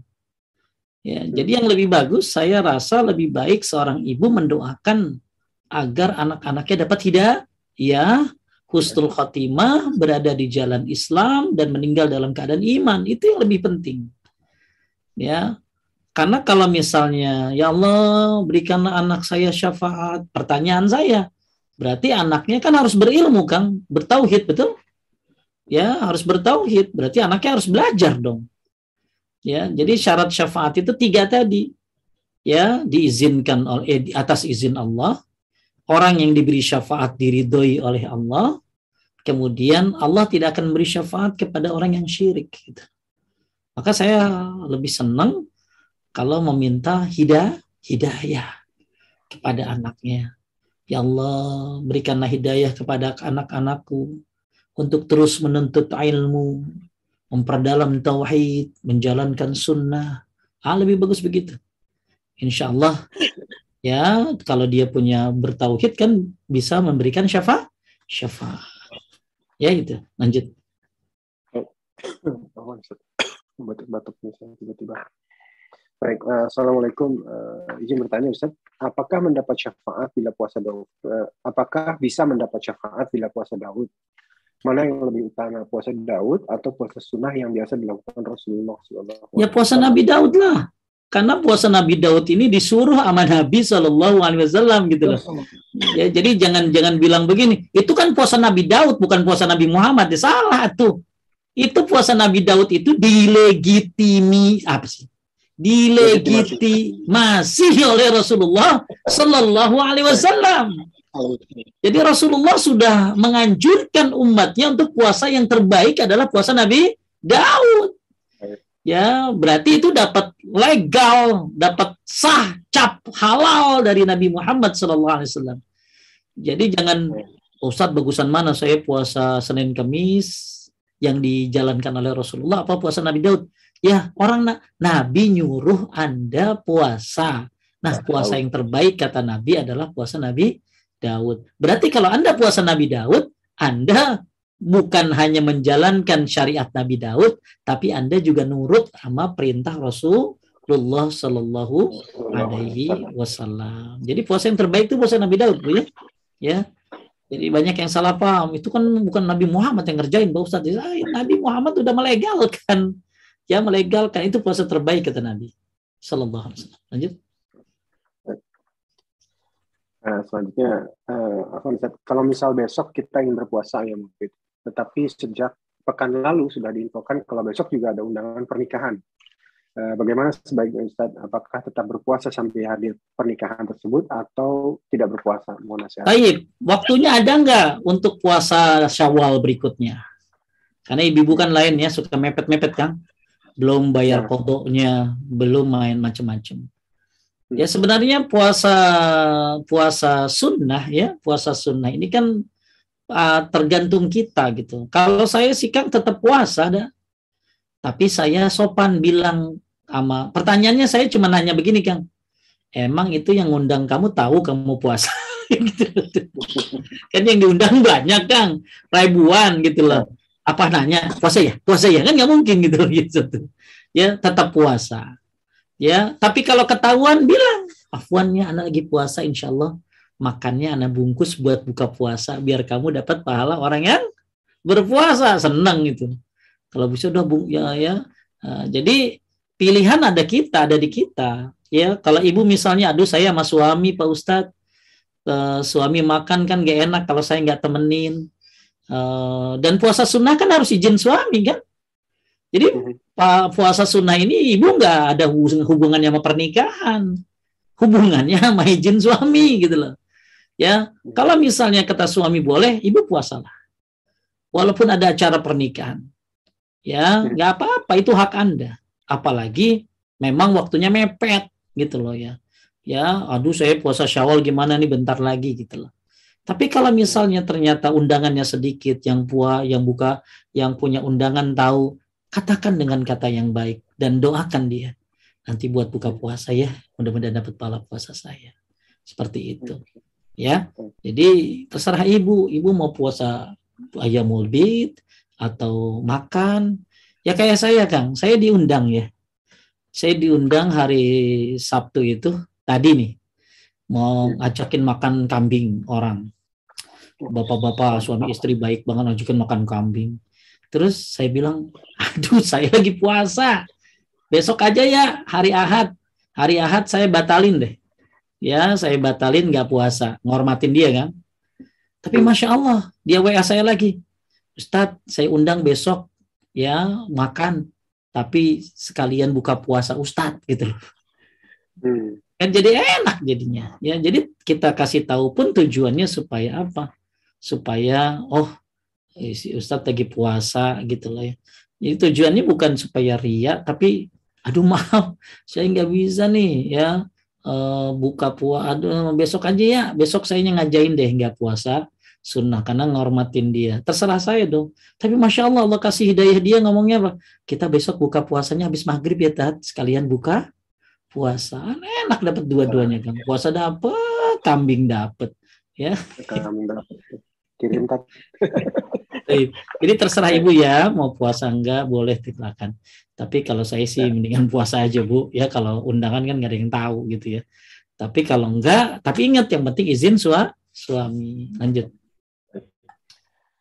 Nah, berikutnya uh, Bismillah, apa Ustaz, kalau ucapan madad ya Syekh atau Nabi merupakan kesyirikan atau bukan? Ya ini kalimat ini banyak diucapkan. Madad, madad, madad ini kan artinya kayak minta tolong kan. Ya, hmm. kayak agisna. Madad, madad. Jadi kalau ucapan madad ya Syekh, madad ya siapa kepada Nabi, wali ya, ini hmm. kalau dia uh, karena ini dia kenapa minta tolong sama mereka gitu loh? Emang bisa ngapain mereka? Ya, apa apa yang bisa oleh mereka? Yang bisa nolong dirimu cuma Allah Subhanahu wa taala. Inilah anggapan batil ada orang gak bakalan kamu bisa mendekatkan dirimu sama Allah kecuali lewat wali itu, lewat kiai itu. Sampai-sampai Kang dulu kalau pengen datang ke kuburan si A itu harus ke kuburan B dulu. Kenapa? Karena kuburan B ini kuncinya dulu dan nggak bisa datang ke kuburan B belum ke kuburan C dulu. Karena si C ini adalah muridnya. Ribet amat. Ya. Karena ada anggapan bahwa Allah itu raja dan nggak bakalan bisa sampai kamu kepada Allah kecuali lewat para menterinya. Yang saya tahu yang kita bisa sampai kepada Allah adalah dengan cara lewat ajarannya Rasulullah Sallallahu Alaihi Wasallam. Ya, Anda bisa sampai kepada Allah dengan beribadah sesuai dengan yang diajarkan Rasulullah Sallallahu Alaihi bukan yang diajarkan oleh kiaimu, bukan diajarkan oleh syekhmu. Apa pun yang diajarkan oleh syekhmu, kiaimu, habibmu, kalau memang itu bertentangan dengan Rasulullah, tidak akan bisa jadi jalan. Tapi kalau memang itu sesuai dengan Rasulullah, hadisnya jelas, sahih, maka itu bisa jadi jalan. Tapi bukan jalan syekhnya, tapi jalan Rasulullah Sallallahu Alaihi Wasallam. Syekhnya cuma menyampaikan saja. Jadi kembali lagi kalimat madat ini, Anda tujukan buat siapa? Buat Nabi, buat siapa? Apa arti madat itu? Minta pertolongan. Kenapa Anda minta tolong sama dia? Kan minta tolong itu ada dua, Kang. Minta tolong Anda sanggup melakukannya dalam perkara dunia. Misalnya, Kang Rashid, tolong unmute semua pendengar. Kang Rashid bisa ngelakuin? Bisa. Bisa. Boleh itu minta tolong begitu. Itu namanya ta'awun. Dan Kang Rashidnya ada. Walaupun ada di London. Tinggal pencet, klik, unmute semuanya. Saya boleh minta tolong sama Kang Rashid. Karena Kang Rashid masih hidup, satu. Kedua, orangnya bisa melakukannya. Nah sekarang, orangnya sudah mati. Kang Rashid udah meninggal. Tolong unmute semuanya. Gimana caranya? ya, unmute semuanya. Ya, Kang Rashidnya udah meninggal, nggak bisa ngapa-ngapain. Itu urusan komputer. Gimana urusan akhirat? Makanya mereka yang mati semuanya, para wali, para semua mencari jalan. Wabtagi ilaihi wasilah. Apa wasilah di sini? Mereka mencari jalan ridho Allah Subhanahu wa taala. Kenapa Anda meminta tolong kepada orang yang mencari jalan? Kenapa tidak minta tolong kepada yang memiliki jalan? Yaitu Allah Subhanahu wa taala. Makanya nggak ada kalau mau doa itu baca ilah hadroti, ilah hadroti, ilah hadroti, ilah hadroti. Anda cukup baca hamdalah, baca solawat, sampailah doa Anda ke sana. Ustadz kan mereka hidup, mereka hidup di sisi Allah, di akhirat, di alam barzah. Dan mereka tidak bisa apa-apa. Ya, kenapa? Ya, makanya minta tolong tadi itu ada dua, minta tolong kepada yang hidup dan dia mampu, Kang Rashid tadi. Yang kedua minta tolong sama yang mati dan sesuatu yang yang tidak mungkin dia lakukan gak bakalan bisa, apalagi urusan akhirat. Jadi kalimat madat ini apabila disampaikan kepada para wali tujuannya meminta tolong ini, ini sebuah kesyirikan, gak boleh. Ya, karena kita minta tolong hanya kepada Allah Subhanahu wa taala saja. Lanjut. Baik. Uh, berikutnya, uh, Assalamualaikum Ustaz, izin bertanya. Bagaimana di Masjid Tanah banyak anak kecil yang sering kali mengganggu kehusuan sholat? Anak-anak sholat sambil bercanda, bermain-main. Apakah anak yang sholat sambil bercanda memutus syaf? Dan bagaimana sih kapan Ustaz? Taib, ini memang kadang-kadang uh, anak kecil ya. Anak kecil satu sisi nggak boleh dilarang sholat ya ya apalagi udah tujuh tahun harus disuruh sholat. Tapi kadang-kadang mereka bikin ulah. Ya bikin ulah burisik dan lain sebagainya. Maka ya penting ada koordinasi dengan DKM kemudian anak kecil itu jangan digabungin di belakang salah. Anak kecil itu ditaruh di pojok-pojok saf supaya tidak memutus. Ya cuman orang-orang yaitu pendapat Syekh Utsaimin salah satunya. Cuman kadang-kadang nggak saya juga uh, saya punya anak kecil kan ya kalau saya bawa ke masjid ya saya akan taruh dia di ujung bersama saya gitu loh. Saya baru anak saya di pojok gitu loh, biar terawasi kan gitu ya. Jadi kalau macam-macam tinggal gencet ya kakak gitu kan gitu. Ya. Jadi eh, bagusnya begitu. Anak kecil itu jangan dihalangi ke masjid, akan tetapi diajarkan adab. Kemudian taruh dia softnya jangan berdekatan dengan teman-temannya, tapi diapit diapit oleh orang-orang tua. Tapi kalau anaknya yang sudah balik, diapit bagus kan? Diapit selang-seling. Tapi kalau yang belum balik, kan itu memutus kan? Maka lebih bagus ditaruh di mana? Di pojok. Ya, di pojok, ya di pojok di samping orang tuanya. Nah, kalau misalnya terjadi sop putus gitu kan, sop salatnya tetap sah. Salatnya tetap tetap sah, cuma tidak utama. Karena yang utama adalah soft itu rapat. Wallahu a'lam. Lanjut. Baik. Nah, ini sekarang masuk ke pertanyaan yang di luar topik ini uh, ada dua pertanyaan. Bismillah izin bertanya, Ustaz, apakah hari Jumat termasuk hari raya? Ustaz? Ya, kedudukan hari Jumat itu kedudukan. kayak hari raya. Ya, karena hari di mana berkumpul kaum muslimin di masjid untuk melaksanakan sholat Jumat. Jadi hari raya mah cuma dua ya, hari raya Idul Fitri, hari raya Idul Adha. Ya cuma dua aja. Cuma yang saya sampaikan tadi pendapat dari Imam Malik tentang hari raya yang lain dalam arti kata bukan untuk di bukan untuk diperingati hari raya yang lain tadi tuh yang tiap hari nggak ada dosa selamat lewat sirot itu mah kudu diamalin dalam kehidupan sehari-hari. Nah sekarang hari Jumat itu ya hari raya, hari raya kaum muslimin. Makanya hari kalau hari Idul Fitri bertepatan dengan hari Jumat, maka boleh Kang ya tidak sholat Idul Fitri. Jadi cukup sholat apa tadi? Jumat saja. Atau sholat Jumat uh, Idul Fitri, sholat Idul Fitri Nah, sholat Jumat tetap kalau memang diadakan. Ya, atau sholat Jumatnya diganti dengan sholat apa tadi? Duhur. Tapi yang lebih tepat adalah tetap sholat Idul Fitri, ya, dan tetap sholat Jum Jumat. Karena ada dua hari raya di situ, insya Allah. Jadi hari Jumat itu hari raya juga, tapi hari raya yang bersifat apa Kang mingguan ya Kang ya? Mingguan. Mingguan. Kalau Idul Fitri, Idul Adha, hari raya yang bersifat tahunan ya tahunan. Baik, lanjut. Baik, uh, Mbak Tati silakan di unmute singkat saja. Assalamualaikum Ustaz Agus. Waalaikumsalam warahmatullahi wabarakatuh. Ini di luar topik, makanya saya uh, hand terakhir. Nah, ya, saya ini baru pulang uh, dan saya merasa terkejut di Mekah itu. Sekarang ada takbiran. Dulu-dulu enggak ada.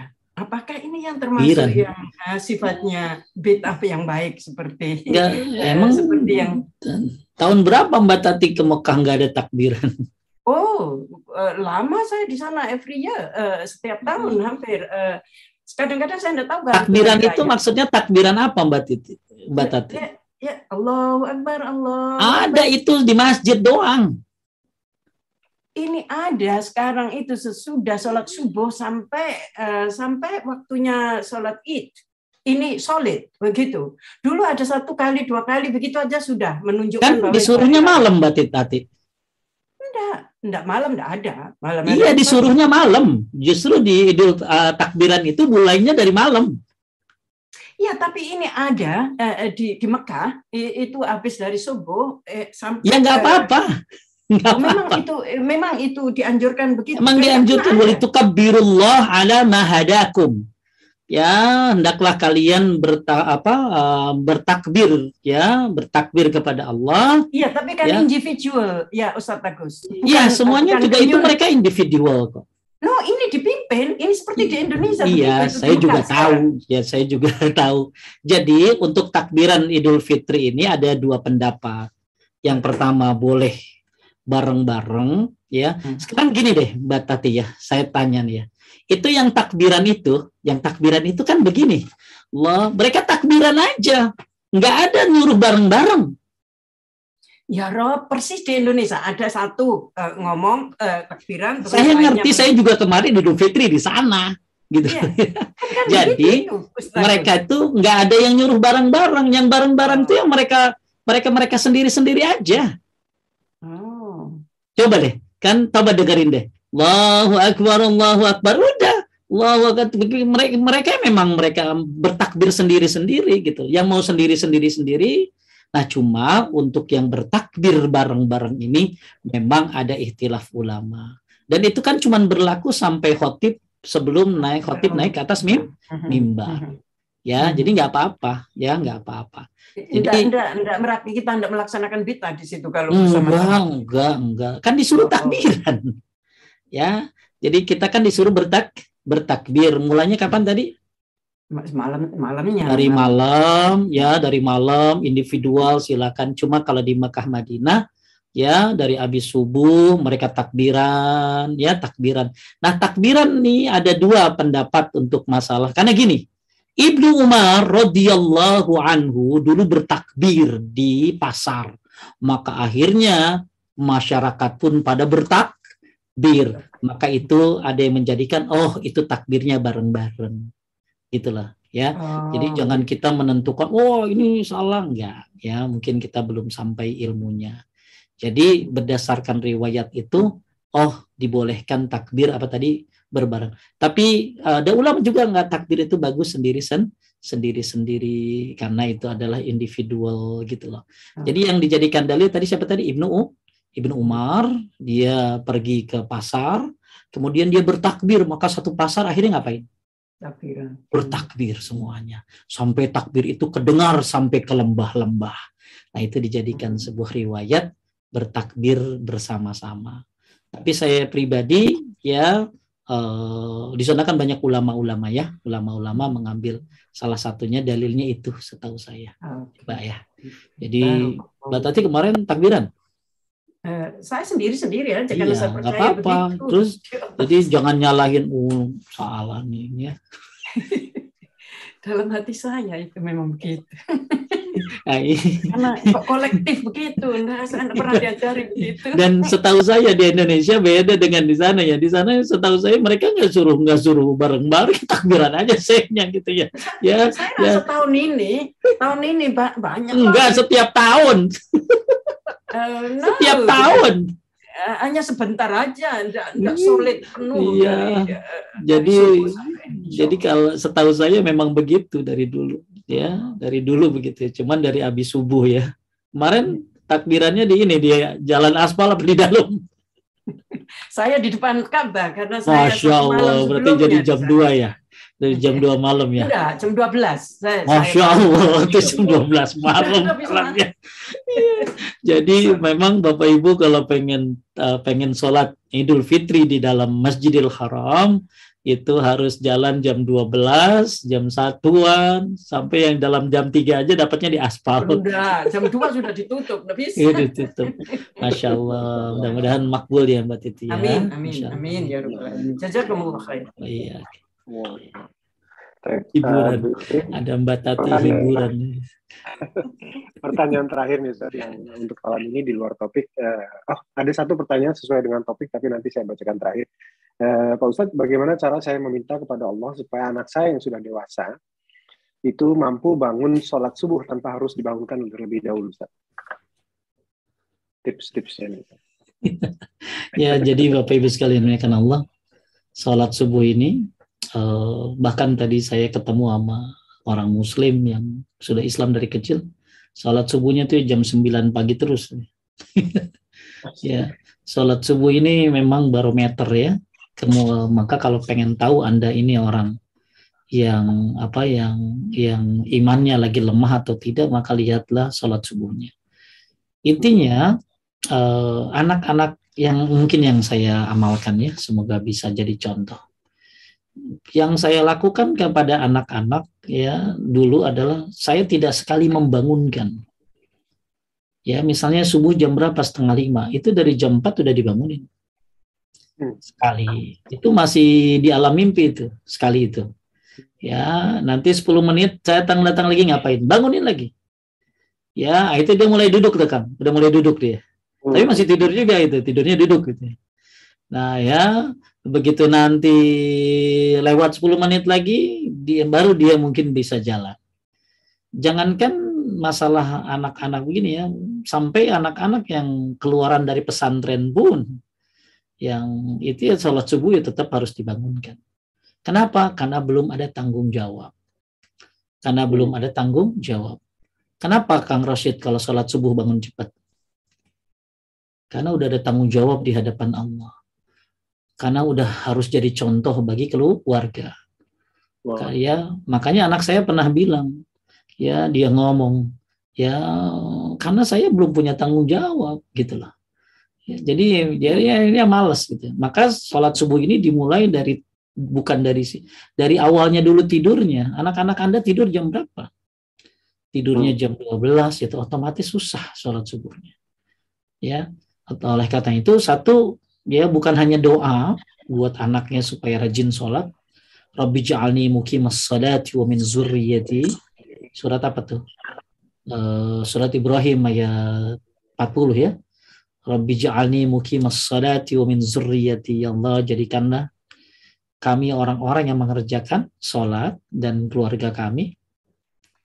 Ya, itu bagus dibaca, tapi juga pendidikannya yaitu jangan tidur terlalu malam. Ya, maka koneksi internet jam 9 sudah harus mati. Kemudian yang kedua tadi Anda bangun lebih awal sebelum subuh, bangunkan mereka dengan bertahap. Ya, bangunkan mereka dengan bertahap. Yang ketiga, nggak bangun juga, boleh udah tiga kali, ambil air Kang, cipratin. cipratin ya cipratin pakai air sedikit ayo ayo cepetan ya cepetan bahkan ada satu ibu-ibu cerita sama saya dia sampai gendong. Gendong anaknya ke kamar mandi kan? Hmm. anak itu digendong ke kamar mandi. Ya ayo wudhu wudhu wudhu ya jadi memang usia-usia mereka usia usia muda ya alhamdulillah ya kalau ibu punya anak rajin ke masjid alhamdulillah. Tapi eh, setahu saya se hebat-hebatnya anak, sesoleh-solehnya anak, tetap dia harus butuh bantuan bapak ibunya untuk bangun. Karena mereka belum punya tanggung jawab, ya belum belum bisa seperti kita yang udah tua emang waktu kalau kita emang udah pantas ya. Udah pantas gak usah dibangunin juga malam bangun malam malam bangun mulu gitu. Kenapa? Ya mungkin takut kematian takut apa ya. Kalau mereka yang sampai-sampai kan waktu saya naik lift naik naik zip zam-zam itu kan tinggi kan itu itu apa berhenti tengah jalan kan di dalam ada saya ada suami istri ada anak-anak muda. Itu anak-anak muda pada ketawa. Sangkainya prank kali ya. Oh, pada ketawa. itu suami istri udah peluk-pelukan. Ah, itu dimarahin tuh sama bapak itu tuh anak muda tuh. Saya cuma mikir, masya Allah nih anak muda segitunya. Ya dalam masalah kematian saja mereka nggak takut gitu ya. ya nggak takut makanya ada yang ngeprank apa menyegat nyegat mobil akhirnya ketabrak jadi masya Allah begitu luar biasanya mereka cueknya terhadap terhadap terhadap apa kematian ya kita memang mati takut mati mulu gitu jadi ya, saya maklum ini insya Allah suatu saat anak anda kalau sudah jadi seorang ayah ya sudah punya tanggung jawab. Maka dari sekarang diajarkannya. Diajarkan tanggung jawabnya sedikit-sedikit pelan-pelan ya. Alhamdulillah ya saya anak saya juga dibangunin ya walaupun dia hafiz Quran tetap aja dibangunin ya tetap aja dibangunin ya karena ya tadi mau hafiz Quran kayak apa juga ya dia belum punya tanggung jawab ya belum punya kesadaran sen sendiri lain sama kita yang udah bangkotan ini udah udah kudu bergerak, kudu wah, kudu ibadah. Mereka masih masih santai. Itu jiwa mereka. Mudah-mudahan sedikit-sedikit nanti lama-lama punya Tapi begitu saya tinggalin tuh Kang mereka, subuh semuanya Kang. Jadi karena masih ada saya, masih ada istri saya, mereka nunggunya dibangunin. Tapi iya. begitu kita tinggalin pergi, kita apa sih udah nih kamu amanat ya anak-anak semua sholat bangunin kakaknya semuanya sholat gitu ya hmm. tanpa dibangunin kenapa karena dikasih tanggung ya seperti anak-anak. Allah baik uh, terakhir Ustaz. Uh, Assalamualaikum Pak Ustaz. Saat Ramadan saya ikut berjamaah sholat taraweh setelah sholat isya imam membacakan doa. Kalau seperti itu apakah saya ikut mengaminkan doa imam tersebut? Atau lebih baik saya zikir setelah sholat fardu yang sesuai pakem yang ada pakem. Tapi uh, saat Ramadan nggak ada doanya sebenarnya, yang ada doa habis sholat witir. Ya doa habis sholat witir. Kalau doa habis sholat tarawih nggak ada doanya. Jadi yang anda lakukan gimana? Ya karena ini di luar sholat. Ya lain lagi kalau misalnya kunut ya kang. Misalnya gini, ada imam kunut subuh, padahal anda nggak kunut subuh, maka Imam Ahmad ya tetap Anda kunut dan mengaminkan. Kalau imamnya kunut subuh, Anda kan nggak kunut subuh misalnya. Imam kunut subuh ya Anda ikutin aja. Karena Anda sebagai makmum. Kalau di pendapat Imam Ahmad. Kalau pendapat ulama lain ya udah diem aja. Tapi kalau di dalam sholat saya lebih suka ikutin imam. Ya, jadi kalau benar buat semuanya, kalau salah buat imam doang. Nah, tapi kalau di luar sholat, Anda punya punya pilihan di situ kan. Ya, pilihannya apa? Anda bisa zikir sendiri, bisa baca Quran, ya sambil mereka apa bisa mereka ini atau Anda mau baca subhanallah wa bihamdi subhanallahil azim. Kalau zikir habis sholat itu hanya habis sholat fardu kan ya. Kalau zikir yang astagfirullah, astagfirullah, astagfirullah, ke salam, tabarak ikram, dan seterusnya itu salat fardu. Jadi kalau habis salat taraweh, tiba-tiba imam berdoa, ya Anda baca zikir aja yang banyak ya subhanallah alhamdulillah wa la ilaha illallah wallahu akbar seperti itu ya Allah a'lam Baik, uh, waktu sudah eh, pertanyaan sudah habis Ustaz, waktu juga sudah malam kelihatan. Jadi kita selesaikan, kita tutup saja. Baik, Bapak Ibu sekalian menikah Allah, mudah-mudahan kita semuanya diridhoi oleh Allah Subhanahu wa taala. Mudah-mudahan kita dimudahkan, diizinkan oleh Allah Subhanahu wa taala. Dan yang terpenting kita jaga tauhid ini ya untuk bisa mendapatkan syafaat syafaat. Ya, karena salah satu syarat mendapatkan syafaat adalah dengan tauhid. Semoga makin banyak belajar tauhidnya makin bagus dan ketika Anda menjadi manusia yang bertauhid, Anda mendoakan mayit apalagi sampai 40 orang, maka doa Anda bisa jadi syafaat. Begitulah hebatnya orang yang bertauhid. Berdoa saja bisa menjadi syafaat. Itu buat orang lain. Bagaimana buat diri sendiri? Maka terus semangat untuk mempelajari tauhid dan semoga kita mati di atas kalimat tauhid insyaallah. Subhanaka Allahumma wa bihamdika asyhadu an la ilaha illa anta astaghfiruka wa atubu ilaik. Saya mohon maaf kalau ada kesalahan dan kekurangan. Saya ucapkan takabbalallah minna wa minkum. Semoga Allah terima amal kita dan amal kalian. Semoga segala ketaatan kita di bulan Ramadan diterima oleh Allah Subhanahu wa taala dan jangan lupa terus lakukan apa yang dilakukan di bulan Ramadan. Semoga Mungkin Ramadan sudah berakhir, tapi amal ibadah tidak akan pernah berakhir. Berakhirnya amal ibadah sampai ajal datang. Amal ibadah tidak berakhir dengan berakhirnya Ramadan, tapi yang amal ibadah itu berakhir dengan adanya munculnya ajal kita.